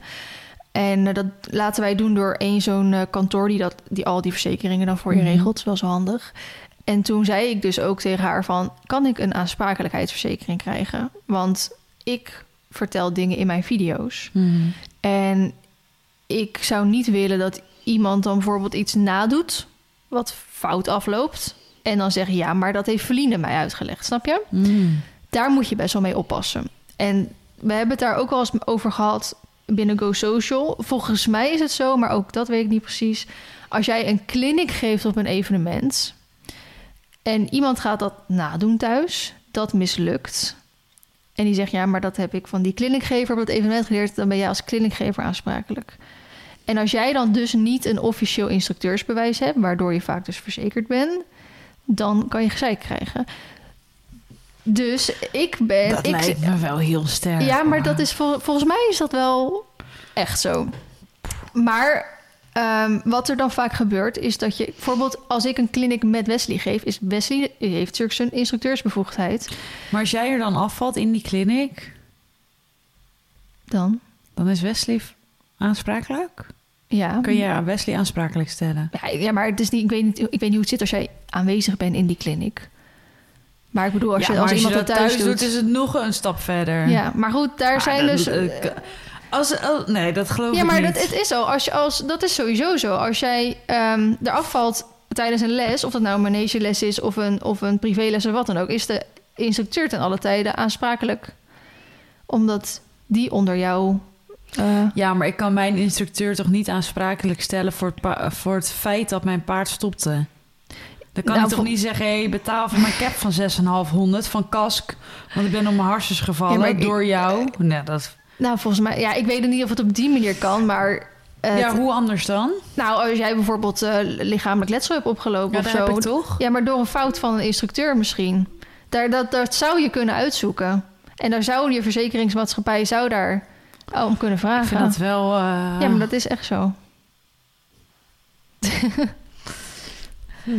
dat is echt zo. Ik ben hier wel... eh, Daarom moet je bijvoorbeeld uitkijken als jij op evenement geeft, als je het dan een show noemt, of een demo, weet ik niet of dat ook weer geldt. Dat is alweer anders dan een clinic bijvoorbeeld. Wat bizar. Maar om maar op terug te komen, mijn verzekeringsvrouwtje, die ging dus uitzoeken hoe dat zat voor mij voor een aansprakelijkheidsverzekering. Mhm. En die verzekering vroeg inderdaad, dan willen wij dat zij een instructeursbevoegdheid haalt. Mm. Dan pas willen we haar een aansprakelijkheidsverzekering geven. Dus voor mij was het toen om na te denken: oké, ga ik dan mijn instructeursbevoegdheid halen? Niet omdat ik les wil gaan geven, maar zodat ik een aansprakelijkheidsverzekering kan krijgen. Oké, dat wist ik niet hoor. Ja, dus de verzekering heeft daar toen echt om gevraagd. Oké. Dus dat zit best een beetje ingewikkeld allemaal.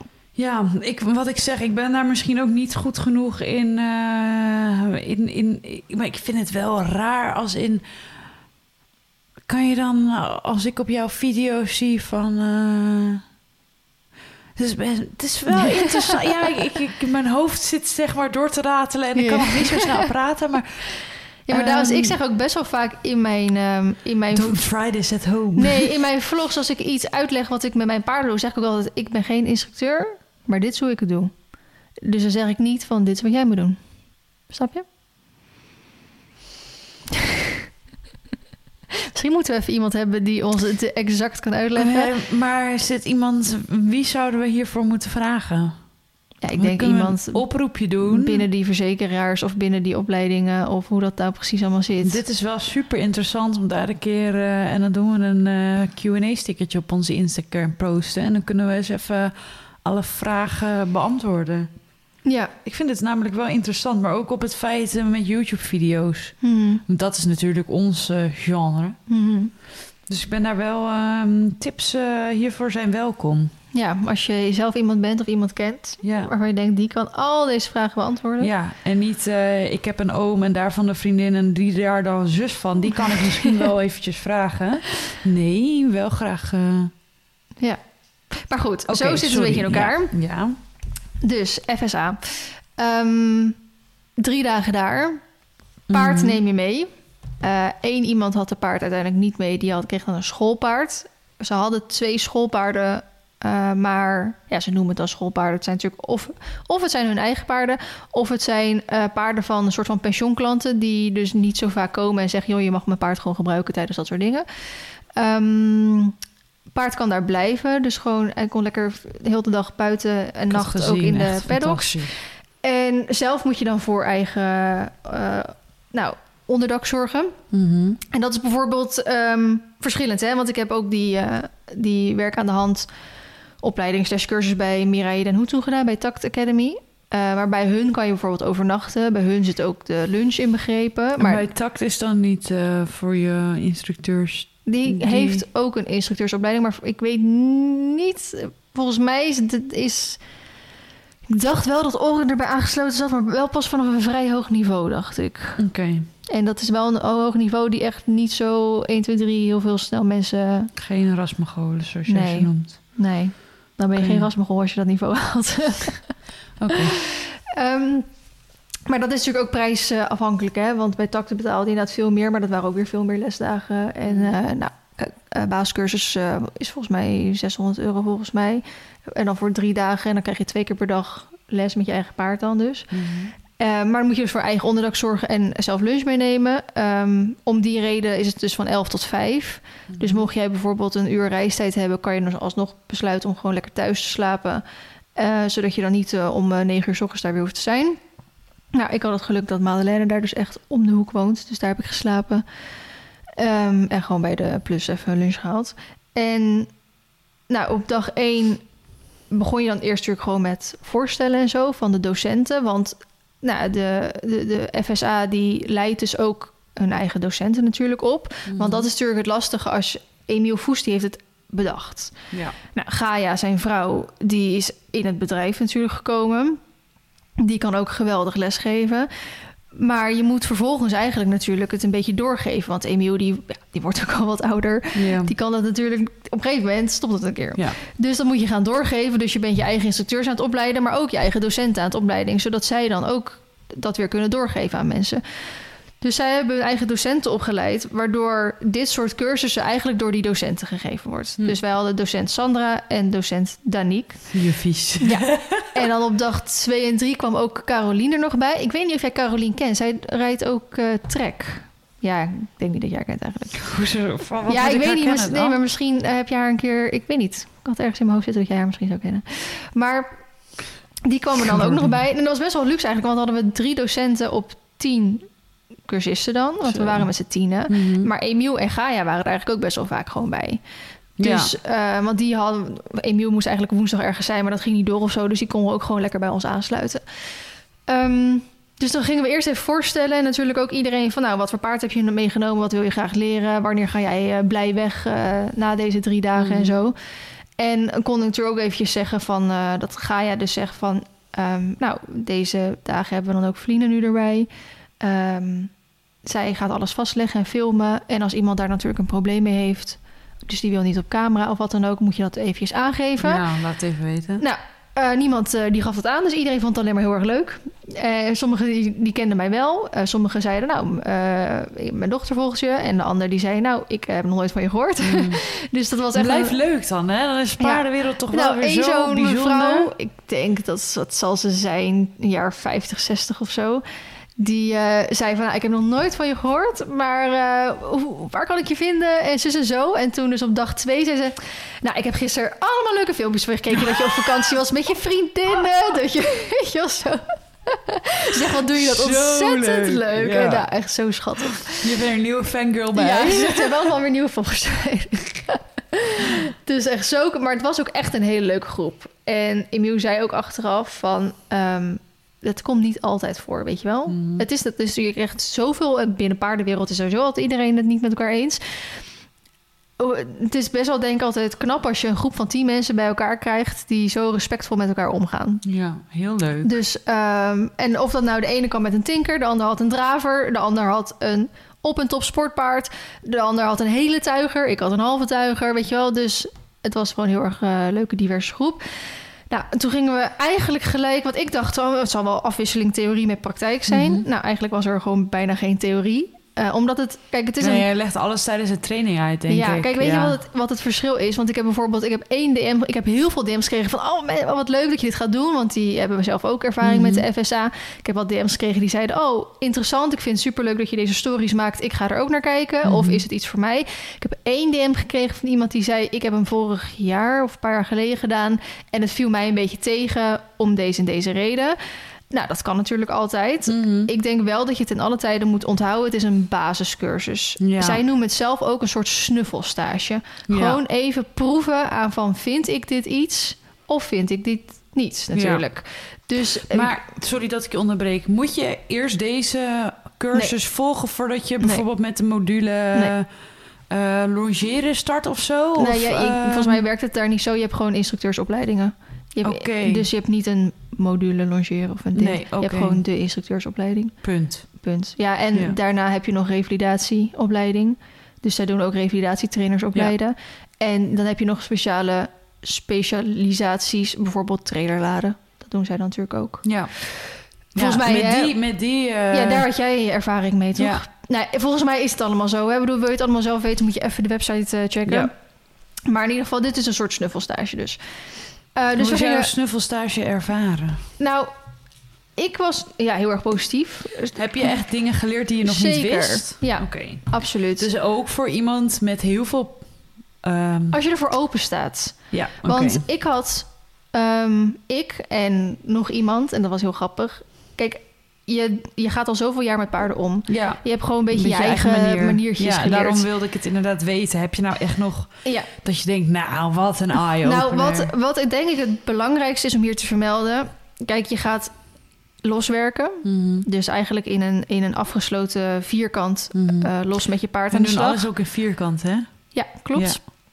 Hebben ze ook weer een reden voor. Mhm. Eh, je gaat grondwerken doen. En onder grondwerken verstaan zij dus gewoon letterlijk je paard leiden, Ja. stoppen, achterwaarts en uiteindelijk op de cirkel. Ja, Nou, dat klinkt echt alsof je denkt, dit kan ik. Wat is hier moeilijk aan? ja dus Daarna, echt- nou, vanuit op de cirkel ga je dan... Of, ja, zij, ik weet niet of zij echt aan enkele lunge doen... maar dan gaan ze de du- dubbele lange lijnen zeg maar doen. Ja. En dan uiteindelijk in menpositie. En daarna zou je eigenlijk je paard moeten gaan rijden.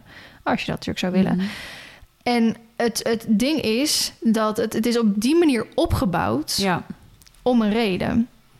Het gaat heel erg om li- lichaamstaal. ja maar vet, zij, werken zij werken ook met druk. Ja, Hè, dat is ja. dus ook heel veel mensen die willen niet met druk werken en zo. Maar zij werken dus met druk. En Ja. ik vind dat en eigenlijk... dan is het positieve bekrachtiging, hè? Dus nee, volgens mij, druk eh, eraf Ja, volgens mij is dat officieel negatieve bekrachtiging. Oh, sorry. Nou, maar het is wel zo dat de druk eraf is het... eh, is de beloning. Ja, dankjewel. Ja. ja. Ehm, maar ik vind soms, net zoals ik las net iets over dat, dat die join-up van Monty Roberts, Mhm. dat daar ook mm, bepaalde mensen heel erg tegen zijn, omdat dat ook met druk is. Eh, Ik vind wel, er is wel een bepaalde nuance tussen druk geven en druk eraf halen. Maar goed, dat is een hele andere discussie. Ehm, oh, pardon, even een slokje water nemen. Ze heeft een beetje pindakaas gegeten. Nee, yoghurt gegeten. Maar het is wel op een bepaalde manier opgebouwd. En eigenlijk is het opgebouwd zoals je het liefste een paard zou willen opleiden. Zij, er is wetenschappelijk onderzoek naar geweest. In 2003 eh, is er onderzoek naar geweest dat op de manier hoe zij hun paarden opleiden, dat voor 70% minder stress geeft dan een reguliere opleiding van een paard. Hm. Dus dat is zegt natuurlijk al heel wat, omdat je gewoon hele duidelijke afspraken met je paard maakt, inderdaad. En dat begint dus bij het loswerken van op die lichaamstaal en op nou, dat druk afnemen, druk toevoegen en zo. Dat ga je vervolgens op de grond ook oefenen. Mhm. En nou, dan weer met die eh, op de cirkel. En al die, die handelingen die je doet, die zijn Mhm. allemaal hetzelfde. Ja, Maar voor, als jij dan vervolgens met dubbele lange lijnen gaat oefenen, dan heb je al die soort van tools al eigen gemaakt, omdat je die allemaal geoefend hebt. Je paard snapt ze. Mhm. Waardoor de dubbele lange lijn eigenlijk piece of cake is. Mhm. Terwijl als jij vanuit soort van niks in één keer dubbele lange lijnen gaat doen, dan krijg je echt error. Want dan moet je zoveel verschillende dingen in één keer gaan doen. Ja. Dus het is, echt, het is echt opgebouwd vanuit hun leerprincipes. Ja. En jij vraagt aan mij, heb je wat geleerd? Nou, in het begin wat ik zeg, dan heb je een beetje je eigen dingen. Denk, ja, ik weet ook hoe ik mijn paard moet leiden. Ik weet ook hoe ik hem moet stopzetten. Ik weet hoe ik hem bij me weg moet krijgen. Maar daar heb je allemaal soort van je eigen dingetjes voor Ik geleerd. denk dat dit echt super interessant is voor Tissy straks. Dat, dat weet ik wel zeker. Maar als jij alles vanuit hun doet, dan heb je elke keer dezelfde afspraken met je Ja. paard. Want eerlijk is eerlijk, hè, en daar ben ik aan de ene kant sta ik daar ook nog steeds wel achter. Als jij bij elke keuken een kijkje neemt, dan neem je bij iedereen toch wat mee, toch? Je stopt Ja. overal wat informatie in je rugzakje en daar maak je een beetje je eigen manier van. Ja. Dat is aan de ene kant zo en dat zal ook iedereen doen. Maar je moet soms uitkijken dat je geen tegenstrijdige dingen in je rugzakje meeneemt. Ja. Dus de ene keer ga je dit van je paard vragen, Mhm. tijdens bijvoorbeeld het eh, grondwerk. En tijdens het rijden ga je in één keer iets heel anders van hem vragen. Want dan denk je, ja, maar dat is fijn. Terwijl het voor je paard misschien heel erg tegenstrijdig is. Mhm.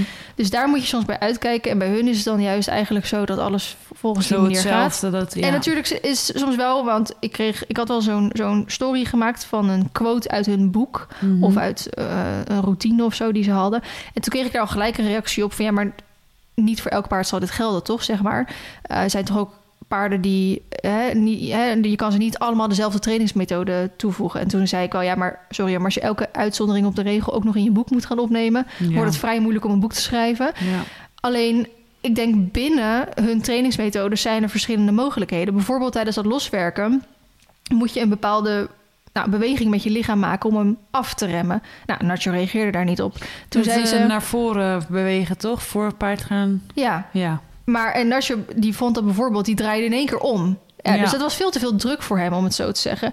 En op een gegeven moment kon ik door letterlijk alleen maar mijn bovenlichaam naar achter te, te buigen, kon ik hem af laten remmen. Dus En dat, dit zo met... ja, eh, en als het je- synchroniseren inderdaad.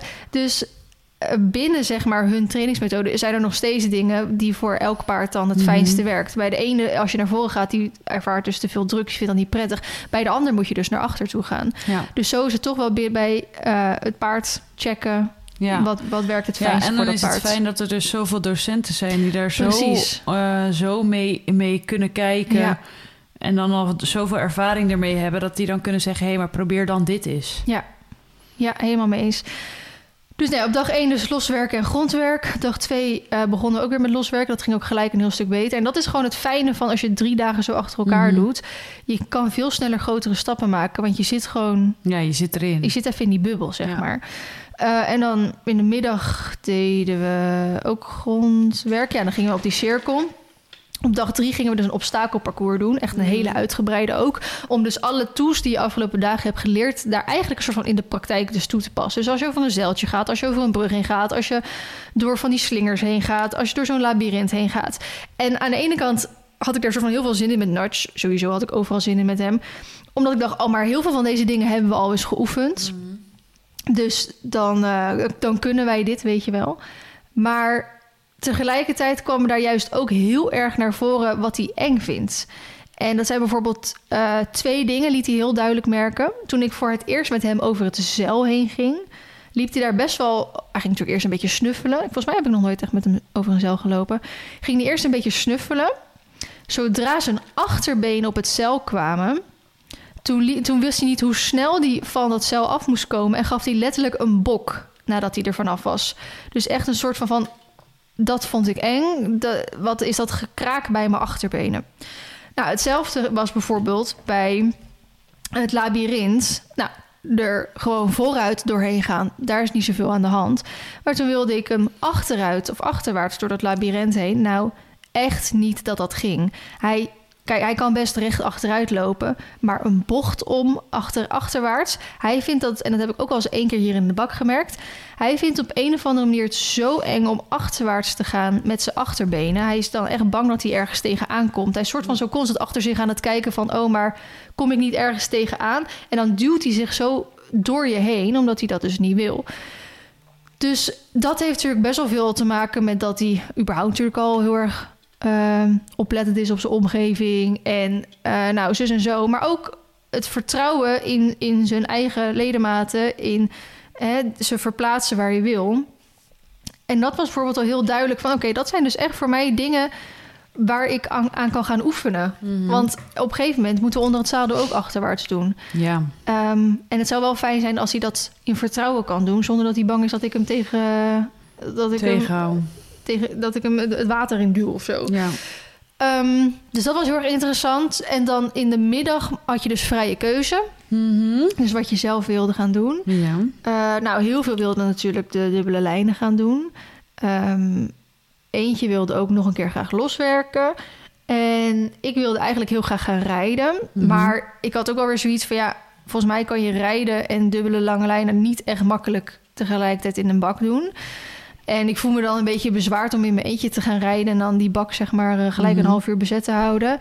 En ik weet ook niet of het een heel goed idee is... om überhaupt in mijn eentje in die bak te gaan rijden. Want Ja. de laatste keer dat ik dat deed, liep het niet helemaal goed af. Ehm, dus toen zei ik van, nou, ik zou wel heel graag willen rijden... maar eigenlijk alleen als iemand anders ook gaat rijden. Mhm. En toen was er eigenlijk niemand die dat wilde.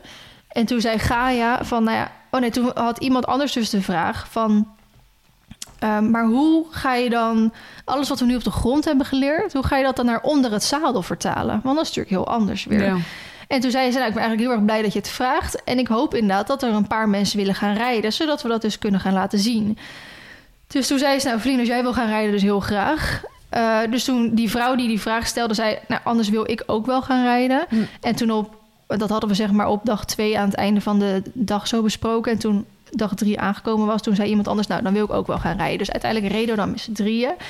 Nou, als jullie precies hetzelfde gedrag zien wat hij altijd laat zien. Dus Nou, eh, perfect twee eh, hoeken waren weer doodeng en eh, niet erin te krijgen.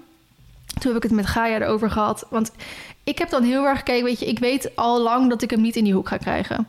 Dat, dat weet ik, heb ik me al soort van bij neergelegd. Maar wat ik Mhm. wel heel graag zou willen, is dat als ik been geef, dat hij gewoon vooruit gaat. Ja. En niet achterwaarts slash half omhoog. Mhm. En voor mij is het dan zoiets van één stapje vooruit is genoeg, dan wenden we wel af, weet je wel. En dan, komen, dan doen we vanzelf, pakken we zo de rest mee. Alleen dat eigenlijk dat ik dat al wil, dat is eigenlijk al fout. Want dat gaat gewoon niet gebeuren. Hij doet het gewoon niet. En dan kan ik strijden, strijden, strijden wat ik wil. Maar het gebeurt gewoon niet.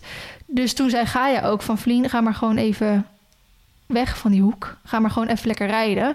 En dan op een gegeven moment probeer je natuurlijk die cirkel, hè, die volte, gewoon elke keer een metertje zo op te schuiven.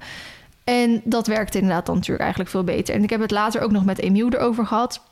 En hij zei ook van, nou, dit is wel een lastig punt bij dat soort paarden. Mhm. Het is heel frustrerend eigenlijk ook. Hij zegt, het enige wat eigenlijk bij dit soort paarden werkt... is gewoon dom blijven doorrijden. Ja. Dus inderdaad geen aandacht besteden aan die hoek. Geen aandacht besteden aan dat, dat hij zo lijp doet. Gewoon weg. Gewoon door blijven rijden. En dan inderdaad vanzelf dat, dat, dat, dat die volte weer een metertje opschuiven. En toen Ja, zei dat ik, ja, het spelletje ook niet meer leuk vindt. het, hij- dus ik zei, ja, het is wel een beetje lastig, want soms dan doet hij het weer een half uur goed. En dan begint hij gewoon vervolgens weer op aan, weet je wel. Hij zegt, ja, dat is wel een beetje lastig.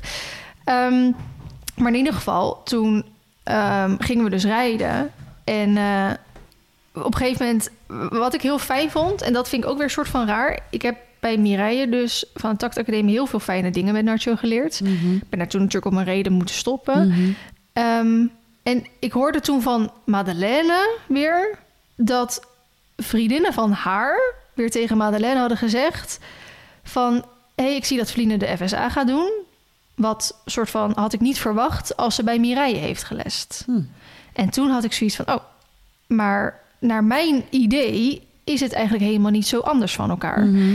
En toen ging ik dus ehm, nou, rijden. En toen moest ik hem heel erg in de contrastelling op de volte zetten. Mhm. Om hem daarna dan weer recht te krijgen. En dat moest ik ook bij Mireille doen.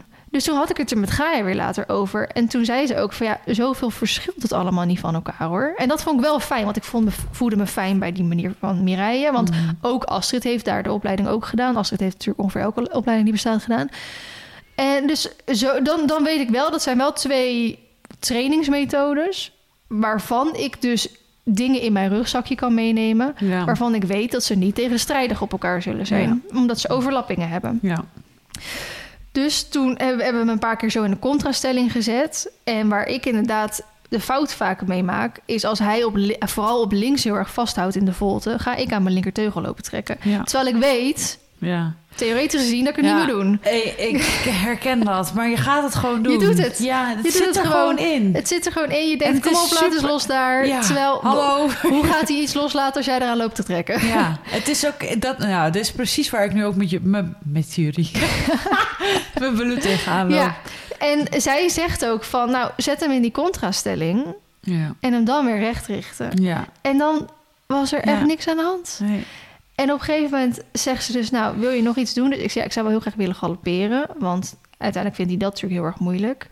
Nou, toen sprong hij aan in galop en het was niet fantastisch, maar zij zegt zo tegen mij van, nou, alles wat je me net verteld hebt, vind ik het allemaal best wel meevallen in die galop. Ik zei, nou, hij heeft eigenlijk nog nooit zo lekker gegalopeerd. en het is natuurlijk allemaal, zijn galop is heel moeilijk, dus het is allemaal nog steeds niet fantastisch. Maar ik dacht wel van, oké, ik heb controle. Nou, aanleuning kan beter, maar het is Ja, niet... maar ja, wat verwacht je inderdaad? Precies, het is niet alsof hij zo schuin door de bocht heen gaat, eh, wat hij normaal gesproken altijd Mhm. doet. En toen zei ze, nou, dat komt dus omdat we net in die draf hem rechtgericht hebben. Ja. En je op die manier de overgang naar galop hebt gemaakt. Ja. Waardoor die in galop hem ook veel makkelijker beetpakt. Dus toen wilden we hem linksom doen. En toen zei ze ook van nu niet gelijk gaan aangalopperen. Want dat gebeurt natuurlijk vaak. Hè? Je denkt, oh, linker, of, eh, rechter galopje is geweest. Heb van hand veranderen, Ja. linker galopje. Nou, daar is hij gewoon nog niet klaar voor. Moet je hem eerst weer via de contrastelling recht gaan stellen. eh, in draf. En dan aanspringen in galop. ja. Dus het was gewoon heel erg fijn om weer gewoon even dat soort dingen te leren. En dat ik denk, ja, dit is wel de manier hoe ik mijn paard zou willen trainen. Echt zo fijn voor je. En ik heb geprobeerd gisteren met Marley hetzelfde te doen. En toen trok hij zich twee keer los. dus Mar had gisteren even andere plannen. Ehm, maar ik denk wel, oké, hier kan ik wat mee. Hier kan ik met rijden de komende tijd weer even mee vooruit. Met longeren, met loswerken kan Ja. ik hiermee vooruit. Met grondwerk kan ik hiermee vooruit. Ik weet ook, oké, op deze manier kan ik het gaan doen. En ik moet dat achterwaarts met die benen gaan oefenen. Ja. Mijn, doel is nu echt om hem achterwaarts door zo'n labyrint te kunnen krijgen Mhm. om hem vertrouwen in die achterbenen te, te geven. Thijs die heeft hier nog wel een paar zeilen in de, Ja, kun je in, gewoon... in ding. eh, Kan ik oefenen met hem over zeil lopen. Wat hij uiteindelijk gewoon heel goed deed. Waar hij is er zelfs in draf en zo overheen gegaan. Maar gewoon een krakende ondergrond, weet je Mhm. wel. Dat vindt hij gewoon eng. Ehm, dus ja, ik denk dat dat het eigenlijk wel was. Echt top, joh. Dat, ja, ik ben hartstikke blij met... eh, nou, dat we zoveel geleerd hebben. Natje heeft, wel, heeft het wel zwaar gehad. Als in niet per se heel erg fysiek, maar hij is heel erg ingevallen. Ehm, er stonden namelijk eh, koeien langs de zijkant. Het is kut, hè? Dat wij van die paarden hebben die als je er naar kijkt al afvallen. Ja. Ik kreeg van de week weer natuurlijk eh berichten over van... eh, het valt me op dat hij heel erg dun is. En eh, is het dan wel slim? Want ik had natuurlijk zo'n post gemaakt over dat hij een drukke planning had deze zomervakantie. Want hij was natuurlijk mee op vakantie geweest. En toen ging ik crossen met hem. En nou, nu dit. Ja, hij is echt heel zielig. Hij komt echt van alles tekort nu. Dus ehm, het, wa- was, het was in theorie qua fysieke arbeid niet per se te veel. Maar hij heeft natuurlijk gewoon zo snel spanning opbouwen. En dat is hetgene waar hij dan van afvalt. Ja. Ehm, dus hij was vooral eigenlijk op dag 1 ging het best wel goed, maar op dag 2 vond, was hij dus zo lijp geworden van die koeien. eh, dat hij dus ook bijna niet meer gegeten heeft toen. Ja. En eh, op, hij at op een gegeven moment wel, maar gewoon niet zoveel als dat hij hoort te doen. Dus eh, ik ben hem nu thuis weer even aan het volproppen. Want over twee weken komt de weegschaal ook. En ik zou het echt zo zonde vinden als hij dan nu net eenmaal ingevallen weer is. En dat hij dan geen kilootje aangekomen is, weet je wel. Dat zou balen zijn. Ja, dus ik ga hem even volproppen en een beetje, nou niet echt vrijgeven, sowieso wel een beetje vrij, maar ik ga ook gewoon wel weer lekker naar buiten en eh, ja, leuke dingen. leuke dingen met hem doen. Maar niet nou inderdaad, weer beter weer. Dus, eh, maar niet eh, inderdaad weer voor, voor meerdere dagen op een andere locatie. Dat komt in oktober pas weer en september Horse Event natuurlijk. wat ga je in oktober doen dan? Ga ik naar iemand toe aan het strand? Zonder mij. ja, ja, wat is dit? Ik ga vreemd. Ja, zo voelt het wel. Nee, ik kan Steek in mijn vast hart. best eh, vertellen. Eh, ik ben uitgenodigd door Marcella de Kam. Oh. Om daar, eh, zij heeft dan in Domburg haar eigen locatie. Mhm. eh kostterrein, maar ook appartementen Mhm. en stallen. En zij wil dat eigenlijk graag meer onder de aandacht brengen. En ze had daar eerst Christy voor gevraagd. Want zij is natuurlijk bondscoach van de eventing eh, en je team. mag geen plus 1 meenemen. En Sjoerd is mijn plus één. Nou, ik ben aan de kant geschoven, jongens. Wat vinden we hiervan? Dus ja, maar ook omdat Sjoerd zijn fa- familie woont. Dus zijn zus, die woont natuurlijk daar ja, om de dat hoek. weet ik. Dus altijd als we daar in de buurt zijn, net zoals volgende week ga ik ook daar in de buurt, dan neem ik Sjoerd mee. Want dan kunnen we daar gewoon lekker met eh, zijn family ook weer even zijn. Ik heb er wel over nagedacht door om jou mee te nemen. Maar die zei, nee, ik wil mee, want dan kunnen we gezellig weer met Sietske en zo. Nou goed, dat was de podcast dan voor vandaag. Maar eh, in ieder geval, dus super lief had dus, eh, nou die, had, die heeft daar natuurlijk helemaal geen tijd voor. Mm, Dus die had eh, gezegd, nou misschien is Feline dan wel wat daarvoor. Dus dat is super lief van haar. ja. Dus Marcella, ik heb met haar gebeld en ik ga in oktober daarheen met Nudge voor een crossles en naar het strand toe, waar ik nu al bang voor ben. En, Heel eh, leuk. En met Sjoerd dan dus samen. Heel leuk. Ja, helemaal leuk. Dus dat ga ik met hem doen dan. Eh, maar nu even, ja, even, hij moet even aankomen. Ja. Daar eh, gaan we mee bezig. We gaan wel deze afsluiten. Ja, dat is goed. Hij is lekker een uur en 15 minuten, jongens. Heel leuk. Ik Heel denk dat die alsnog, want we gaan de volgende dan de weekbespreking doen. Het was ook wel echt weer zo'n lekker Ja, ouderwets Ja, van hot naar her. ja, podcastje. Nou, leuk. Bedankt voor het luisteren en heel graag tot de volgende keer. Doei doei!